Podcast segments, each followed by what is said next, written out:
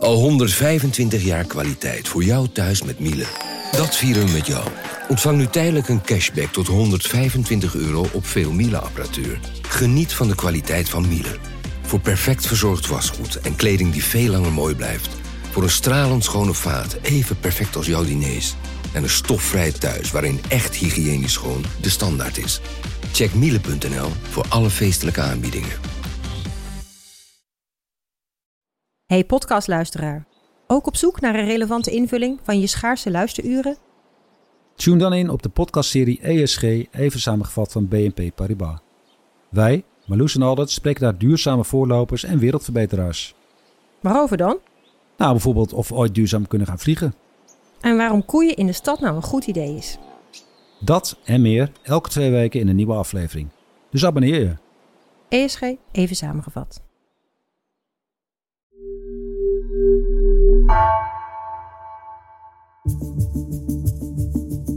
Vanaf de redactie van NRC het verhaal van vandaag. Mijn naam is Misha Melita.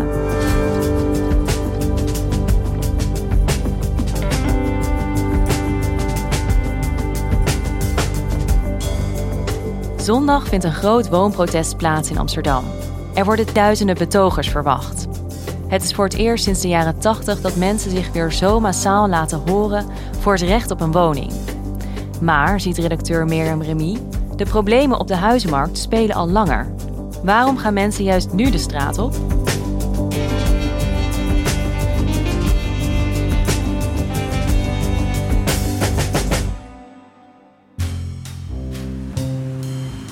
drukke straat, hoewel het nu eigenlijk ook wel weer meevalt. Zullen we rechtsaf gaan, de Raadhuisstraat in?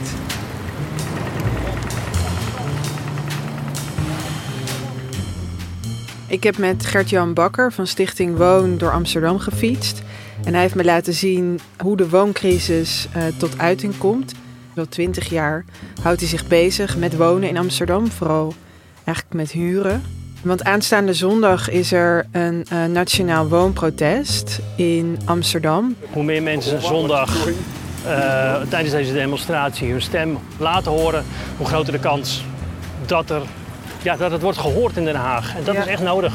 We zijn bij verschillende plekken in de eh, stad gestopt die eh, ja, laten zien hoe bizarre uitwerking de wooncrisis kan hebben. Die natuurlijk door het hele land eh, merkbaar is. Zeker niet alleen in de grote stad. Maar in Amsterdam zie je denk ik wel de grootste en duidelijkste excessen. Met de meest bizarre vierkante meterprijzen. ehm nou, huren die enorm zijn gestegen. We staan hier eh, in het centrum van Amsterdam, eh, in de Weteringbuurt. Eh, onlangs zag ik hier een aantal advertenties in het pand, hier achter ons. Ehm, en dat was eigenlijk wel heel opvallend. Het waren hele kleine kamertjes van eh 7, 8 en 9 vierkante meter. Dus echt, echt klein. Maar die stonden voor prijzen van 8 tot 900 euro per stuk te huur. Nou, dat, dat is zelfs voor Amsterdamse begrippen eigenlijk heel hoog. Ja, want we horen heel vaak over de woningcrisis, maar wat is er aan de hand? Heel kort gezegd eh, zit het eh, nogal op slot. Dus eh, je ziet eigenlijk dat heel veel groepen die graag anders zouden willen wonen, dat dat niet goed lukt. Het worden elke dag meer mensen die last hebben van dit probleem, serieuze last. Ehm, tot je dertigste thuis moeten blijven wonen, geen plek hebben om je gezin te starten. Eh, de opgroeiende kinderen, ehm, ja, die willen een keer uitvliegen, maar ja, waarheen? Ze kunnen echt geen kamertje van 700 euro eh, betalen. Dus ja, we kunnen woningen bouwen, maar als we dat niet betaalbaar houden met regulering, dan lossen we het probleem niet op. En waar het eh, eerst ook misschien nog een beetje als een randstadding werd gezien, van oh ja, iedereen eh, moet ook zo nodig eh, binnen de ring wonen, zie je nu dat het echt door het hele land speelt. Eh, jongeren in Friesland hebben ook moeite om een woning te kopen, in Limburg hetzelfde. Dus zondag gaan mensen de straat op ehm, en er worden duizenden mensen verwacht. De organisatie zelf denkt dus zelfs 10 tot 15.000. Het wordt in ieder geval wel groter dan we in hele lange tijd hebben gezien als het om, om wonen gaat. Kennelijk is het in Den Haag toch nog niet goed doorgekomen dat er een heel groot probleem is op dit moment in de samenleving.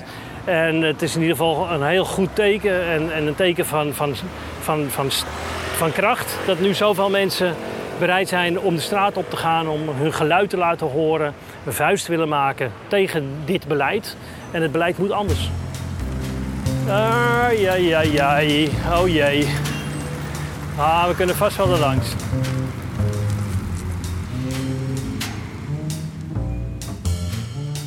Ja, want Mirjam, aankomende zondag is dat protest. Hoe is dat tot stand gekomen? Wie zit hierachter? Het is een groep best wel jonge mensen uit uh, voornamelijk Rotterdam, maar ook Amsterdam. Uh, ik heb de organisatoren uh, vorige week gesproken, een aantal van hen. En een van hen is Mieke. Zij is 25 jaar en was deze zomer met een vriend bij een ander protest. Ze stonden op straat en toen zei ze: Waarom doen we dit eigenlijk niet voor de woningmarkt? Uh, nou, toen zijn ze met een groepje mensen bij een café gaan zitten en uh, een kroeg in Rotterdam. En zijn toen echt op bierviltjes plannen gaan maken. Uh, en opperde daar het idee van: zouden we niet de hele dam vol kunnen krijgen? En zo is het eigenlijk in heel korte tijd ontstaan. Want 12 augustus, dus dat is een maand voor, voor het protest in Amsterdam, zijn ze live gegaan met met het protest op internet. En al heel snel uh, werd het dus heel veel gevolgd en gedeeld.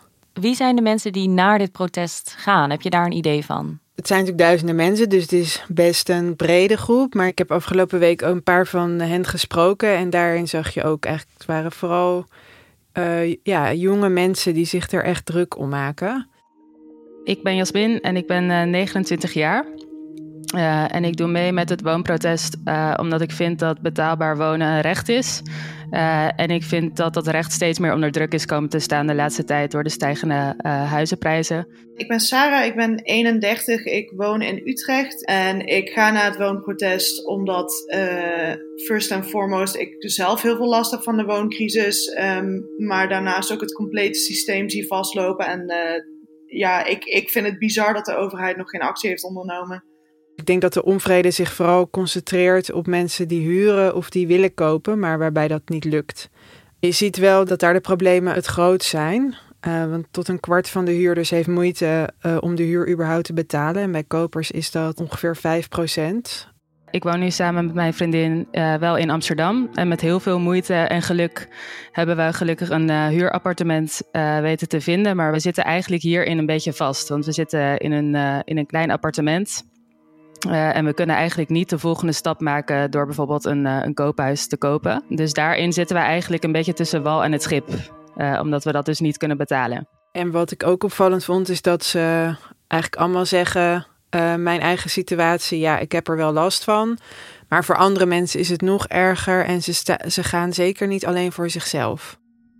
Ik denk dat al heel snel het beeld kan ontstaan dat er uh, eigenlijk de millennials een soort uh, verwende mensen zijn die heel graag ook hun eigen kleur van hun kastdeurtjes in de, in de keuken willen bepalen. Maar dat is eigenlijk niet de reden dat ik naar het woonprotest ga. Ehm, ik ga naar het woonprotest omdat ik denk dat er heel veel leed verbonden is eigenlijk aan de oververhitte woningmarkt. Um, en dat uitzicht in heel veel andere dingen dan dat je een extra kamer wil in je huis bijvoorbeeld.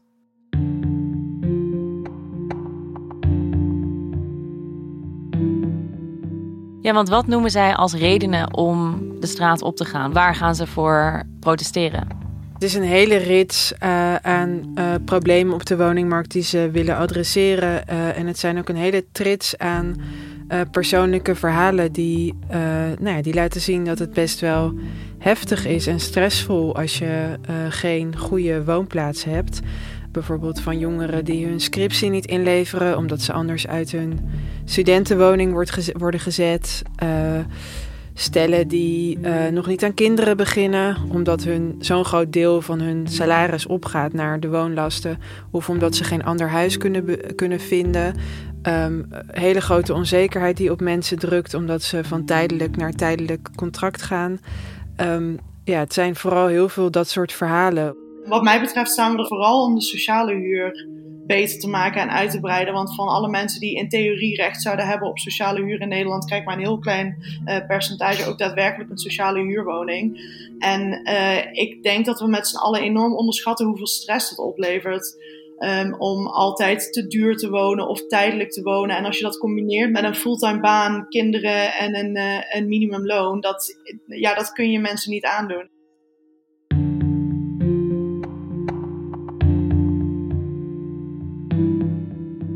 We horen natuurlijk al best wel lang over problemen op de woningmarkt. Het is niet iets wat nu ineens speelt. Waarom is er dan nu toch ineens dit protest? Ik heb die vraag voorgelegd aan een aantal uh, wetenschappers. En een van de interessante verklaringen die zij noemde was dat het uh, probleem nu uh, sinds eigenlijk relatief korte tijd de middenklasse is gaan raken.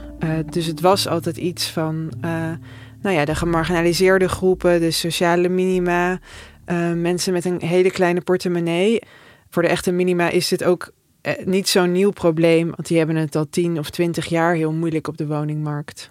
En nu uh, raakt het dus mensen die um, nou, goed verdienen, um, mensen die goede banen hebben. Middenhuur, ik bedoel dat is een leuk woord, maar middenhuur voor mij betekent dat dat de helft van mijn loon uh, daaraan opgaat. Ja, dat is voor mij geen, echt geen optie. Ik sprak vorige week uh, Cody Hoogstenbach, een wetenschapper die uh, bezig is met een boek over de wooncrisis die zei van ja, dat zijn vaak mensen die goed weten hoe ze hun frustratie moeten uiten, zei hij. In de juiste taal. Dus die kennen de lijntjes naar de politiek. En wat ook helpt voor het protest, zijn dus de mensen die invloed hebben. Dus nou ja, de journalisten en de wetenschappers, die hebben er nu zelf last van. Ik woon in een klein studioappartement en dat is onderdeel van een woongroep. En daar ben ik wel echt klaar mee. Ik vind dat je als uh, eh, 31-jarige fulltime werkend persoon echt wel een, nou, minstens een tweekamer appartement ergens moet kunnen kopen of huren. Cody Hoogsenbach zei ook dat er nu een groep mensen geraakt wordt door de wooncrisis. Die is opgegroeid met de belofte van als jij maar je best doet, uh, dan uh, zal je er later wel komen. Dus als je gaat studeren, um, nou ja, als je doet waar je goed in bent, dan ligt de toekomst voor je voor het oprapen. En dan krijg je uiteindelijk die koopwoning, je kunt een gezin stichten. En nu blijkt dat die stap, in ieder geval van die koopwoning, tot nu toe voor veel mensen toch niet echt, ja, nog niet is ingewilligd. Met ook weer gevolgen voor alle andere aspecten van je leven? Ik heb gestudeerd, ik heb een goede fulltime baan. Ik doe volgens mij alles wat je zou moeten doen om enigszins fijn te kunnen wonen. Dus dat, ja, dat draagt misschien ook bij aan waarom mensen zich hier ja, heel gefrustreerd over voelen. Daarnaast vind ik overigens dat ook als je je leven compleet verklooid hebt of een minimumloonbaan hebt, dat je ook fatsoenlijk moet kunnen wonen. Um, en dat het gewoon een grondrecht zou moeten zijn. En nu realiseren ze zich, uh, denk ik, meer dat um, nou ja, wat, wat ze misschien altijd als individueel probleem hebben gezien, eigenlijk een maatschappelijk probleem is. Bijvoorbeeld een vriendin van mij, haar moeder, um, die heeft na de scheiding bijvoorbeeld op een, uh, een camping moeten wonen, omdat zij gewoon niet in haar eentje een huis uh, kon kopen, terwijl ze wel voldoende uh, geld had tot haar beschikking.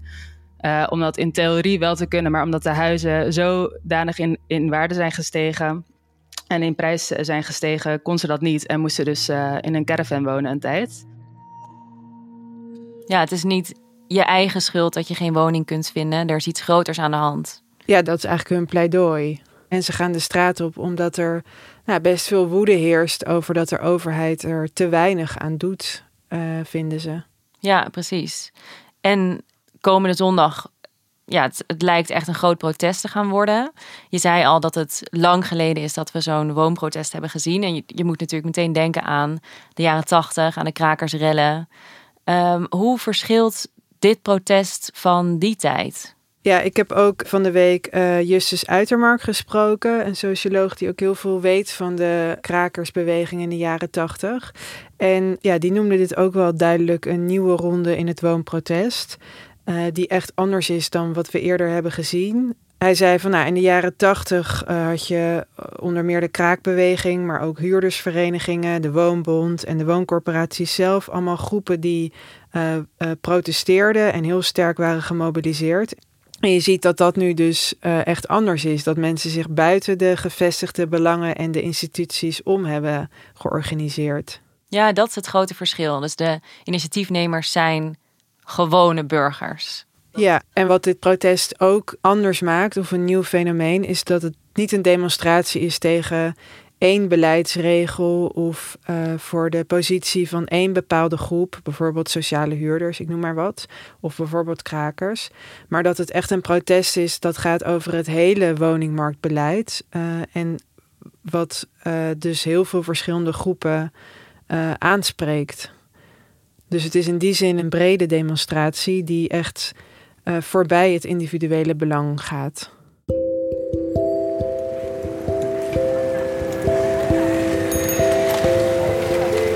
Nou, daar eh, staan twee kleine pandjes, daar heb ik ook nog gewoond. Oh ja? Daar hebben we toen gewoon zelf de koevoet in de deur gezet. Twee van die pandjes die stonden al jarenlang leeg. En toen dachten we, nou, dan gaan we toch kraken. Ja, dat was ook een manier dan om toch maar uh, in je eigen woonproblemen te voorzien, een oplossing te vinden.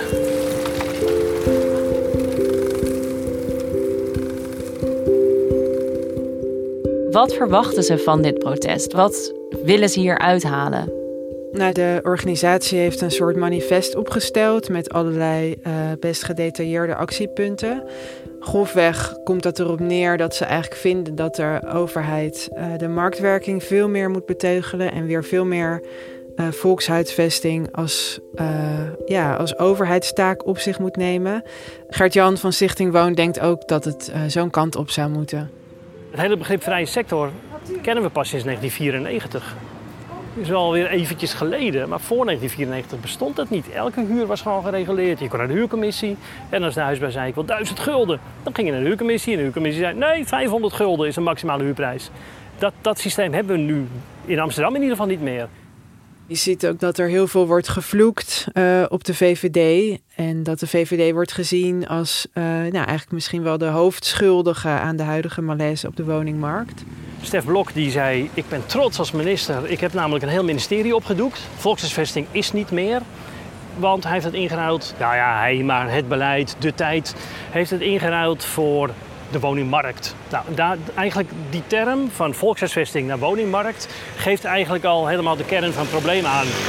De overheid trok zich terug, dus echt eh, het marktdenken, dat is eigenlijk een, nou ja, bijna een dogma geworden. Alleen aan de VVD ligt het zeker niet. Maar volgens experts eh, kun je wel zeggen dat het beleid van de afgelopen jaren het in ieder geval niet beter heeft gemaakt en uh, vermoedelijk heeft verslechterd. Daarom is het tijd dat de overheid weer greep terug gaat krijgen op de huurprijzen. Ook meer gaat reguleren en de markt iets gaat indammen.